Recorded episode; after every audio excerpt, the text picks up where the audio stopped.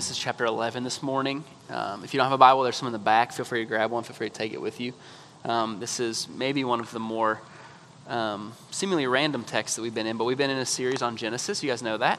Um, and today we come to a moment, a really crucial, like a crucial part of the Genesis story. And by extension, we believe part of the Christian story, a really pivotal moment. Today, in this text, we will meet some of the most significant protagonists of the entire biblical narrative. That sounds weighty, um, but it is. Today, a man and a woman will walk onto the biblical stage in our text that even if this is your very first Sunday in a Christian church, you almost are certain to be familiar with them. Today, we meet a man named Abram, later called Abraham, and his wife, a woman named Sarai, later to be known as Sarah. And Abraham is one of the most significant human beings to ever live. If you think I'm overstating that, he is considered the father of three religions named after him, the Abrahamic faiths that include Judaism. In the world today, according to Google, so take that for what it's worth, um, there are 14.8 million followers of Judaism in the world today.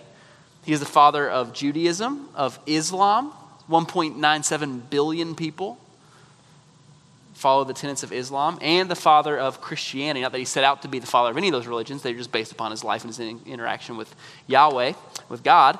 Um, Christianity, 2.2 billion people. So if you're doing the math, that's roughly 4 billion people in the world that have given their lives in some way or another to a faith system based upon, in some degree, the life of this man and his family by extension. That's a big deal. Like, like that shapes a lot of human history. But for us this morning, I think the more interesting thing, as people committed to the way of Jesus and the work of Yahweh according to the Christian tradition, this is the man, and by extension, the family, that God chooses to use as a conduit for his grace and mercy to flow into the world. This is a big deal. On the other side of Babel, God looks out and he chooses a partner for what is to come. As he has from the beginning, Yahweh, we get this picture of Yahweh wanting to work in partnership with human beings to bring about God's beautiful intent for the cosmos. God's plan to fix what was broken in the fall, all the story of Genesis up until this moment, all that was broken in the murder of Abel at the hands of his brother, God's decision to make a way forward to keep his promise to never destroy the world again, to heal the curse that Noah put onto, the, onto his grandson Canaan, to counter the pride and arrogance of Babel, and to bring his rule and reign to earth in its fullness through the beauty and diversity of his children from every tribe and tongue. All of that plan hinges upon the faith in the person of Abram and his family. But before all of that, right, because the rest of Genesis is a story dominated, it's a story about Abram and Sarai and their family and the people that would come from them, the promise that God makes to them to that they would be a blessing to the nations. Before all of that, before the founding of the nation of Israel, before the promise of God to Abraham that will catalyze the mission of God, the redemption of all things, before the patriarchs, before all of it, we, before we jump into the details of the story, which we will do over the next months together, I want to begin with a question. This question maybe you haven't thought of. I don't know that I thought of it until this week or a couple weeks ago as I was preparing for this. This question Why Abram? Why? Have you ever thought about that like question? Have you ever thought like why? Why Abram? I don't know that I really had, honestly. I mean, I guess if you would have like held my like feet to the fire and asked me that question, if you had pressed me before, like the last couple of months as we kind of walked through Genesis together, I guess I would have said something like, I mean, it doesn't really matter, does it? That it was Abraham. Like God needed a human partner. God wanted a human partner. God chose Abraham. And we get Jesus out of it in the story of the Hebrew Scriptures. So I guess does it really matter? It could have been anyone. Why Abram? And I go, man, it's a really important question. And I don't think as a modern Western Christian, the answer to that question is like, uh, I don't know. I guess I was more Calvinist than I thought. Like God just chose him and what God does, God wants. Like, why Abram? That's a really important question because you see Yahweh in the story that we've been reading together, and all of it kind of culminates, at least in this moment here with Abram. God is choosing a human partner whose agency and character and behavior will really matter. Right? I mean, God chooses, creates Adam and Eve, and He says, hey, like what you do in this story matters.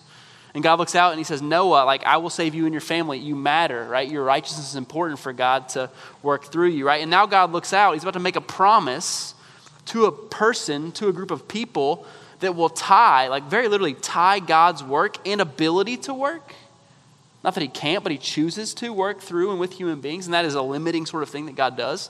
That will tie God's work in the world to a man, to a family, and to a people. And that's a risky thing for God to do.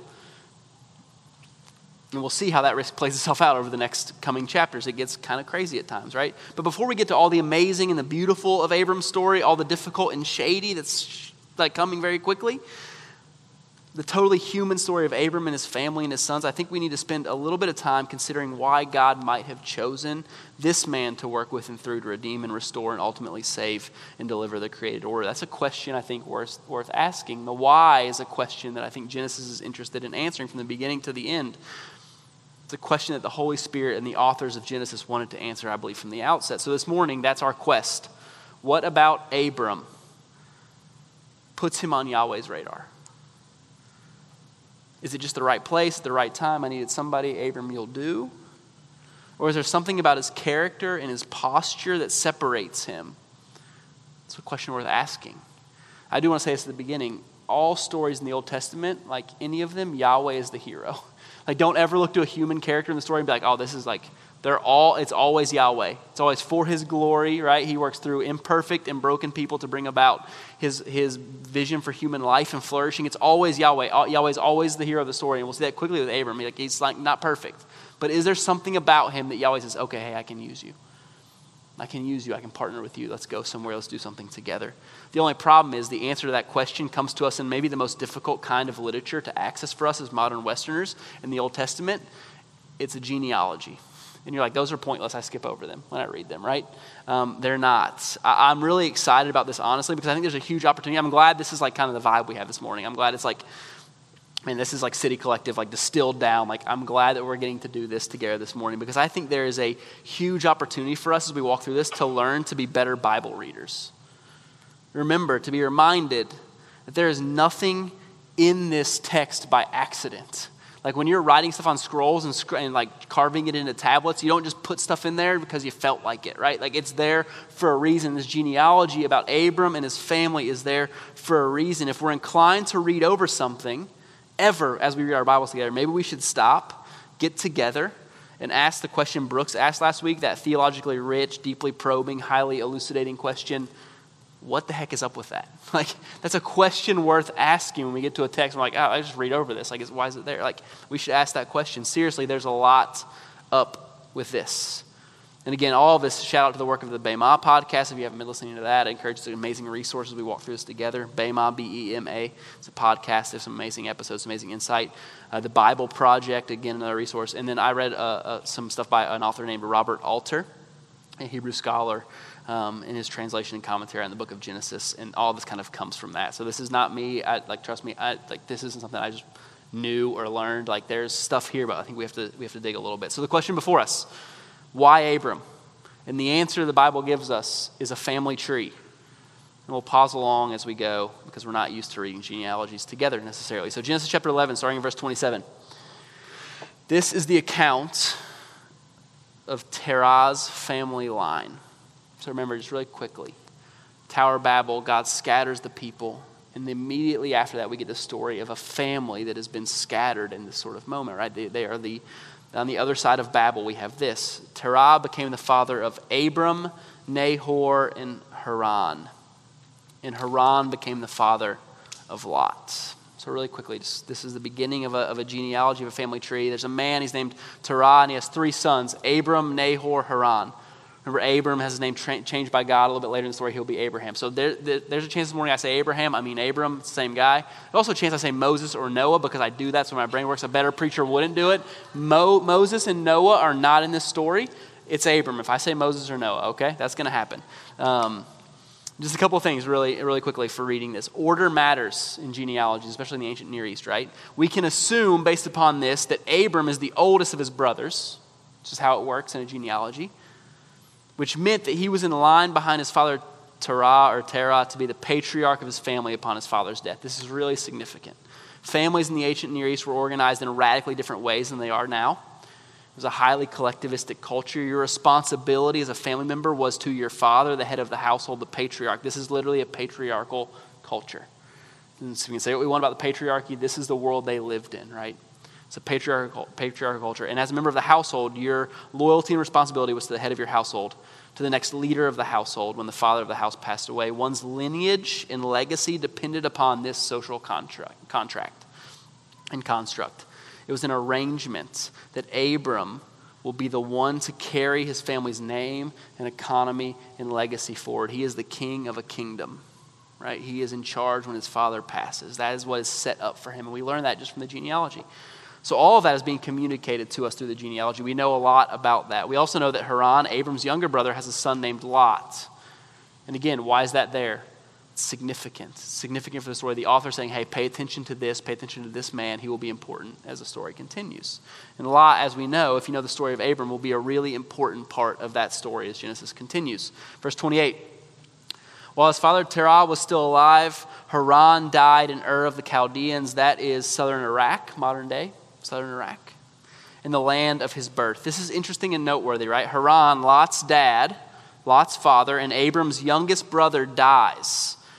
And again, that's something you normally include in a genealogy, but it's there, so let's pay attention to it. And the text tells us that, his fa- that when his father dies, or when Haran dies, when Lot's father dies, Terah, his father, is still alive. And that's a really rare thing. It's a rare thing today for a father to outlive a son. And it's even more rare in that cultural moment, right? But why is this detail here? Remember, there are no accidents. This is crucial for us to remember as we remember as we read through the rest of this. What's happening here? Hold that thought. That's the context. Haran, the youngest son, son of Terah, the younger brother of Noah, dies while his father is still alive. It's also important for the rest of the story that is to come that we know Terah and his family would have worshipped local gods. They would have had family gods. As a matter of fact, some of the some of the um, Jewish uh, literature around this event. They talk about Abram kind of going in and destroying the household gods as he leaves to follow the call of Yahweh. It's really kind of fascinating. But this is really important, right? The people of Ur would not have worshiped Yahweh. Like, like Abram doesn't come from a family of Yahweh worshipers. He comes from a polytheistic family and a polytheistic culture and a polytheistic moment. And Yahweh speaking to Abram, which is to come, and calling him would have been something way outside of his, his expectation for the norm for his life. Again, against sort of the, the path that was laid out for him to be the future patriarch of this polytheistic family group. So, why again does Yahweh choose him? Let's keep reading. Verse 29. So, after, after that, we found out that um, Haran dies. Verse 29 Abram and Nahor both married, which is an interesting detail to put after that, right? So hold on. The name of Abram's wife was Sarai, and the name of Nahor's wife was Milcah. She was the daughter of Haran, the father of both Milcah and Iscah. Now Sarai was childless because she was not able to conceive. There's a lot here. A lot here. So just trace it with me, right? We now find out that Abram and Nahor both get married. Again, it's an interesting place in the family genealogy to put that. And the language, we won't get into all of it this morning. You can if you'd like. You can research. It's really interesting. It, the language here in the original language, in the original Hebrew, seems to indicate that they're getting married, Abram and Nahor, not to one another, but to, to women and their families. They get married, and the language seems to indicate that it was a benevolent act that they both agreed to carry out. And what I mean by that is this the language is similar to this moment. You remember a couple stories ago when, um, when Ham uh, sins against his father, Noah right? That he's drunk in his tent, Ham does his thing, and then his two brothers, Shem and Japheth, go into the, they back into the tent, they cover their father's nakedness, they honor him, right? The language there is the same. So what you get is two people, the plural changes to singular, right? So basically it's Abram and Nahor, they, they are going to get married, and then it says he gets married. And the language there, again, it's kind of kind of tricky for us in English to, to work through, to parse through. But what it seems to mean is that two people have come to an agreement and become one mind about something, right? So Abram and Nahor, they, they sit down and they say, hey, there's something we need to do. And they're getting married is a reaction to this need that is before them. This is really important, right? So they, they, the plural changes the singular and says he gets married in Hebrew. So basically, they have the same sort of mind, they have the same idea. The language implies that someone is in need they decide together to do this benevolent thing for that person who is vulnerable or at risk. And again, we don't get all that in the English, but even then, it's nowhere that it, like they get married comes after this sort of announcement of their younger brother's death. Hold that. Abram's wife is Sarai, and Nahor's wife is Milcah. And then the text tells us that Milcah is Haran's daughter. Who is Haran again? Trace it with me. Who is he? He's Abram's younger brother, right? Milcah is his niece, which again to us in the modern Western moment is like that's what, what's going on. That's a very common thing. As a matter of fact, it was preferable to marry within the household, right? That way you're not giving a dowry to a different family group, a different household, right? So it's a very common sort of thing. So Nahor marries Milcah, his niece. The author then tells us that Haran is not just the father of Milcah, but another woman, Iscah. Now, this like seems random, right? Exactly how many times in the entirety of the biblical account do we see Iscah's name? Whose favorite Bible character is Iscah? Like, she never appears again. And again, nothing is by accident, right? So why is she here? Like, what, like what's the deal? Why is Iscah in this lineage, in this family tree of one of the most significant biblical characters in the Old Testament? Why is she there? Doesn't make much sense to include her if she's not important to the story. One of the things that we come up against when reading Genesis and other ancient texts is the reality that the times were very different. Okay, if you're not aware of that yet, like they're different times, different place, right? Things are radically different. They are, these are by definition patriarchal, patriarchal cultures, and what I mean by that is women rarely ever appear in genealogies unless they are absolutely critical for the story the author is trying to tell in recounting the genealogy in the first place. Does that make sense? So if you even look at the genealogy of Jesus, the women mentioned in the genealogy of Jesus in Luke's gospel are significant to the story. Like they're, like they're really important. And so we have a woman who's being included in a genealogy that one of the most significant families in the Old Testament. We have to ask why. We don't have to agree with that. We can name like what's wrong with that, but that's just the reality of the text we find ourselves. And we have to acknowledge it because in acknowledging it, we now possess, I believe, a key to help us unlock what's going on here, right? Just hang with me. I know this is kind of a lot. Some of you are like into this sort of thing. Some of you are like, Matt, would you just please like start talking about something different? This is really significant, right? Long story short, most Hebrew scholars and many influential and important Jewish rabbis think that Iscah is Sarai. And that would make sense, right? They think that Iscah is Sarai because Milcah is mentioned twice. She's the daughter of Nahor and the wife, or she's the daughter of Haran, the wife of Nahor. And we have Sarai as the wife of Abram, and Iscah is the daughter of, of Haran. It makes sense, like in the, in the flow of the passage, that, that would be who it is. Um, they, most scholars think they're the same person. The names even have a linguistic connection. Both share a similar meaning in two different languages. Sarai in the ancient Hebrew, Iscah in the ancient Sumerian language, they both sort of mean princess which is significant to the story here, right, of who she will become. And so if Iscah is Sarai, then what's that about? If Iscah is Sarai, then that means that Sarai is also Abram's niece, which is again not a hang up they would have had, not uncommon at all. But more importantly than that, this means that Sarai, if she's Iscah, is the daughter of a dead father. And in that moment in human history, that is a tough place to be, especially if you're unmarried. You see, her protection, her economic viability, her ability to thrive and participate in the life of the household was all thrown up into the air when her father's die, when her father dies and she's unmarried. She has no husband. Her father is dead. She has no children. She is in a vulnerable, vulnerable place. And all this we learn from the genealogy of Abram. And then on top of all of that, we're told that Sarai can't have children. Now, how they know that, I don't know. like, but the author makes it very clear that this wasn't a surprise to anyone, especially Abram, that he knew it on the front end, that both Abram and Sarai, and by extensions others in their family group, knew that she couldn't have children well before Abram and Sarai are married, well before the promise of God to make him a great nation is ever spoken into the universe. This is really significant. So that's kind of the genealogy of Abram. And that's kind of what we have that we can learn as we, as we parse through it together. So, what has Terah's family tree told us about Abram? What has it told us about the kind of man that he is? What insights does it give us into why Yahweh may have chosen to partner with him, with this particular man, at this particular moment in human history? Well, here's what we have, right? We have Abram, the first in line to carry on the lineage of his family, the future patriarch of his family group the future leader of his clan, he comes to a moment in, we, in which he looks out at the now orphaned adult daughters of his brother, and he looks at his other brother and says, in essence, You know what we have to do. That they come to this moment of agreement and say, You know what honor requires, you know what love requires, you know what we must do. This isn't our world, it's not our culture, and we wouldn't think of things this way or do things this way today, but ours is not to judge, ours is to learn alongside. Abram would have had the right, as the firstborn son and the future leader of his clan, to choose which of his brother's daughters he married. That's significant.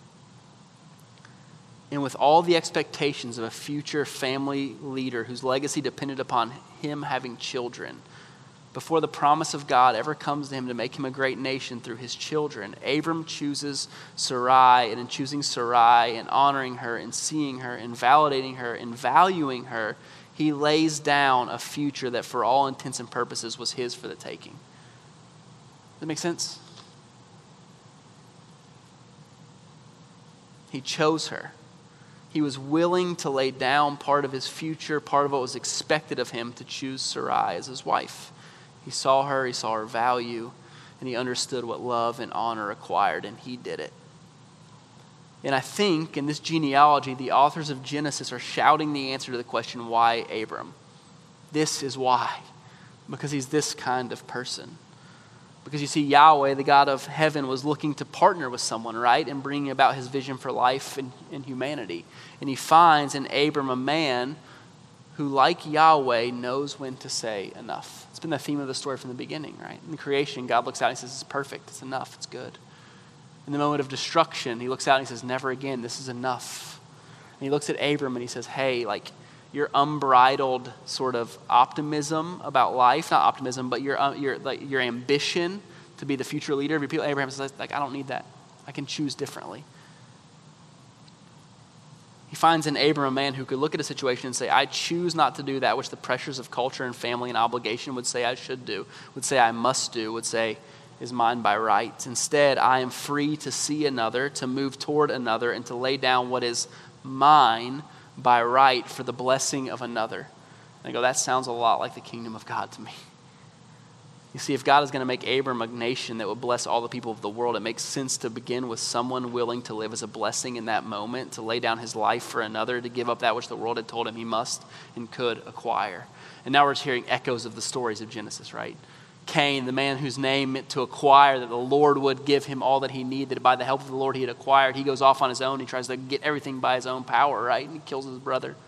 We see, the, we see the pride and the ego of Babel, right? We'll stay here. We'll make a temple. We'll worship our ability to, to arrange our future, to arrange our circumstances. And now we have a man, a patriarch, who has this laid out in front of him. And he says, You know what? I can choose differently.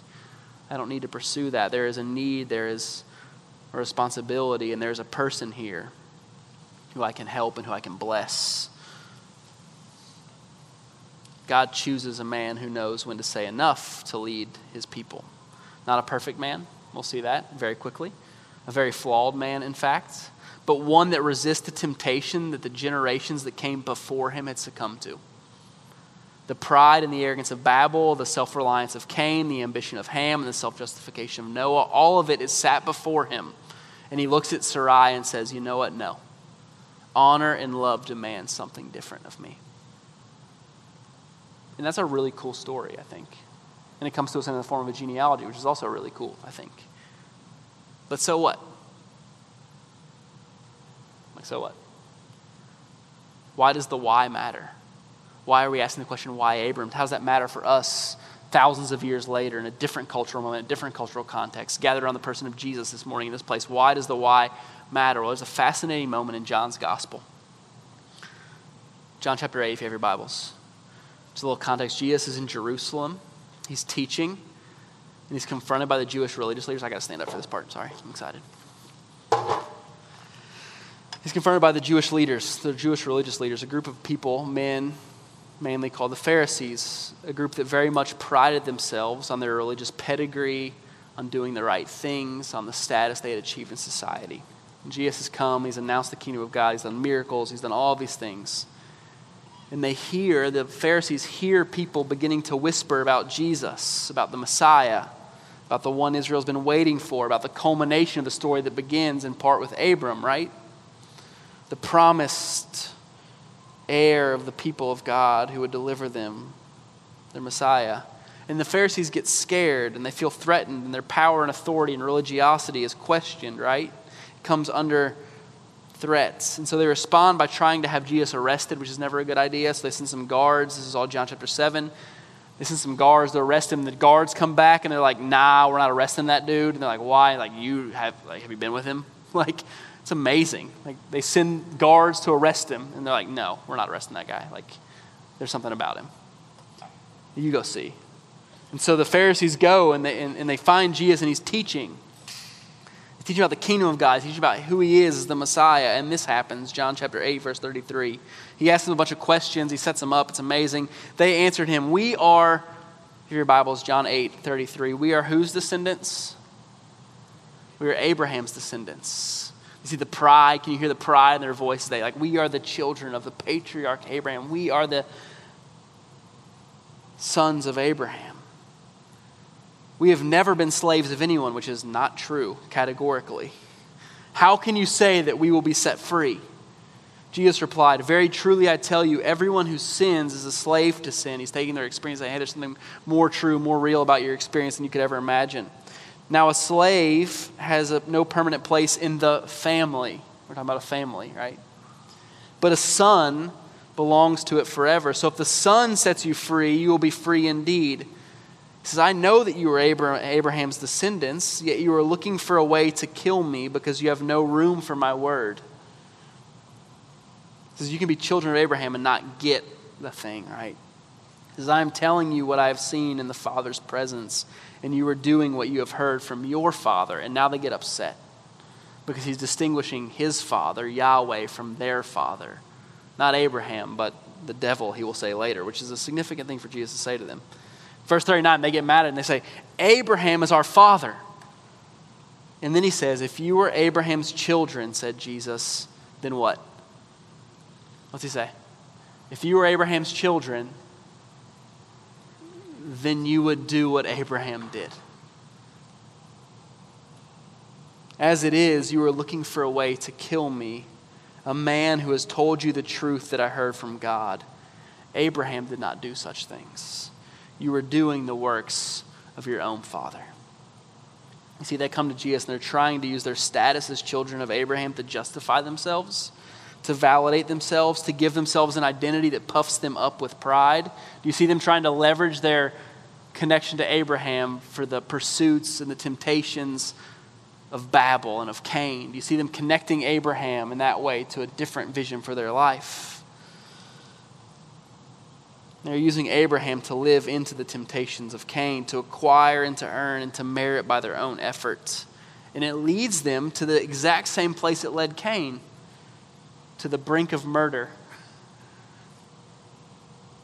And Jesus, the true son of Abraham, says, If you were really his sons, you would do what he did. It's like he's saying, You see, God chose him, partnered with him in part because he was willing to lay down his life his future, all that rightfully belonged to him, in order to bless and care for and love someone who needed it. You see, I think Abraham had a key piece of God's character. Like I said, he wasn't perfect. He was as human as you and I, maybe more so, right? He was flawed. He was scared.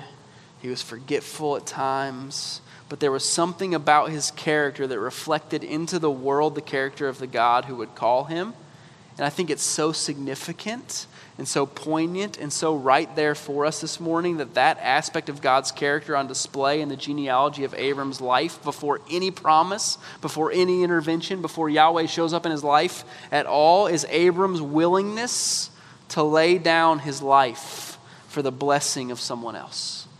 That God sees it in him and says, I can work with that can work with that. And now we come to Jesus, who's about ready to lay his life down for the blessing of someone else. And he finds the religious institution of his day pushing back against him. To lay down his freedom to choose, to lay down his legacy, to lay down his need to be understood or appreciated, to lay down power, to surrender influence, to live a life on the other side of ambition, to do what was right, to honor his brother, to love Sarai, to see her, and to choose her when it didn't make any sense in the cultural moment, in the cultural model he was living in, he had, I think, the courage to say, you know what? The model is wrong. The moment is wrong. This is less than what it means to be human, and I choose differently. That's a lot to learn from a genealogy. And I think the entire sermon this morning is this for us today. Why does the why matter? Why do we even spend time talking about why Abram? This is why I think, because I think we're left with the question what would it look like if we could do the same? To a small group of us gathered on the other side of fall break, waiting for half our church to come home. What would it look like if we could do the same? I've been like really convicted this week. This is I did not expect to be convicted by a genealogy. I'll be fully honest. I don't want to be a church where we raise our hand, where we say, God, use us for mission. Do in us what you did in Abram without being willing to align our vision for life with his, li- his vision for our lives. I've just been thinking this week and praying, like, does God see our church? Maybe not if you don't want to do that personal, like the church in America and the West raising our hand, wanting to play a part, but moving on from us because we've not got the character or spiritual formation to walk into what He has for us. What a shame it would be if God was looking for a partner in the city and He didn't find it here because we weren't willing to lay down our lives for the blessing of others. Like we talked about it. We wrote it on a slogan, we put it on a website, but we weren't actually willing to do it. That we'd given our lives to a different vision for life But what if, as we cried out to God to work in and through us for His glory, what if at the same time we worked in this place diligently and prayerfully and communally to cultivate and steward that sort of character? To call it out in each other, to live into it, to line our living and thinking with God's mission in the world, to model our life after Jesus, the one who is willing to lay down his life for the blessing of humanity. I just thought this week are we begging for God to use us? Am I begging for God to use me without the requisite character development that would call his attention? The question I think this morning is would we do the same? Would we lay it down for someone else? And I think that's where we have to begin.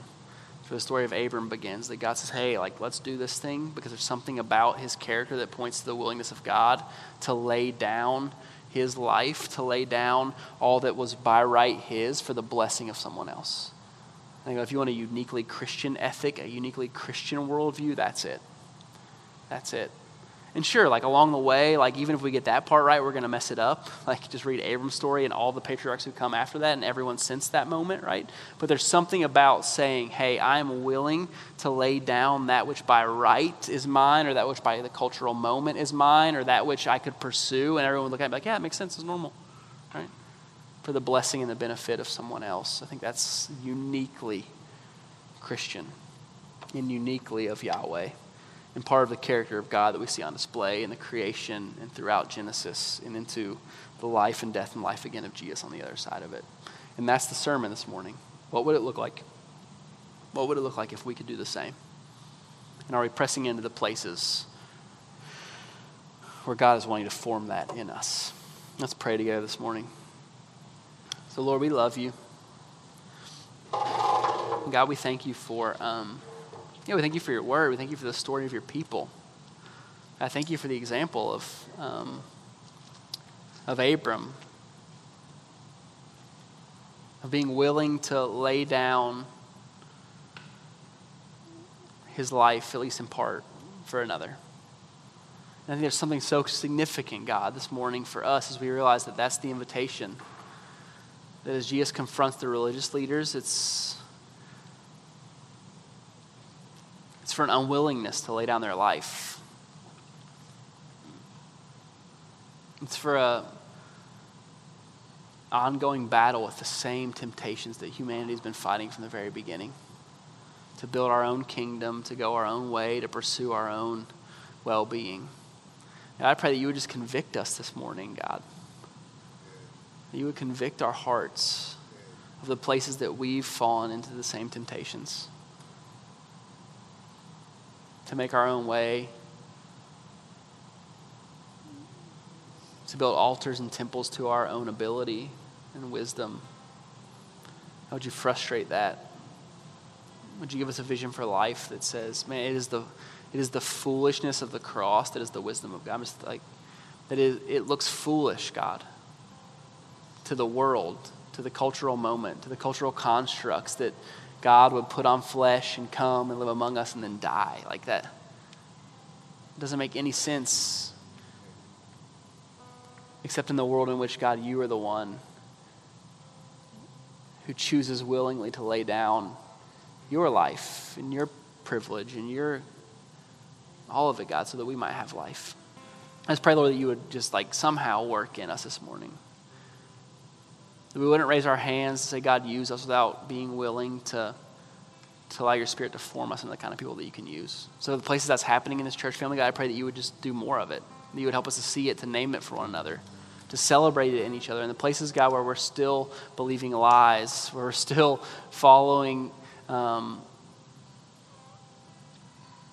yeah, visions for life that are so much less than you would have for us. Just convict us of that gently, thoroughly, lovingly, God.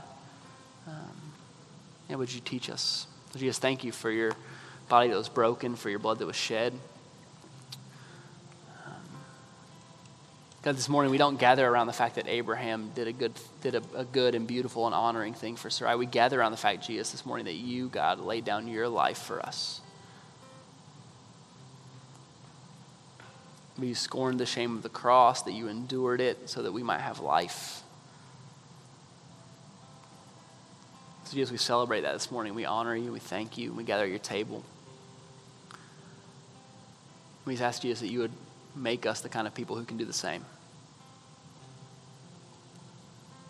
That we would exist to be a blessing to the nations as you've called men and women to be from the beginning. That you'd show us what it means, that you would teach us how to partner with you for your glory and our joy and the salvation, redemption, reconciliation of all things and all people to yourself. We love you, God. Thank you. In Jesus' name we pray. Amen. Amen.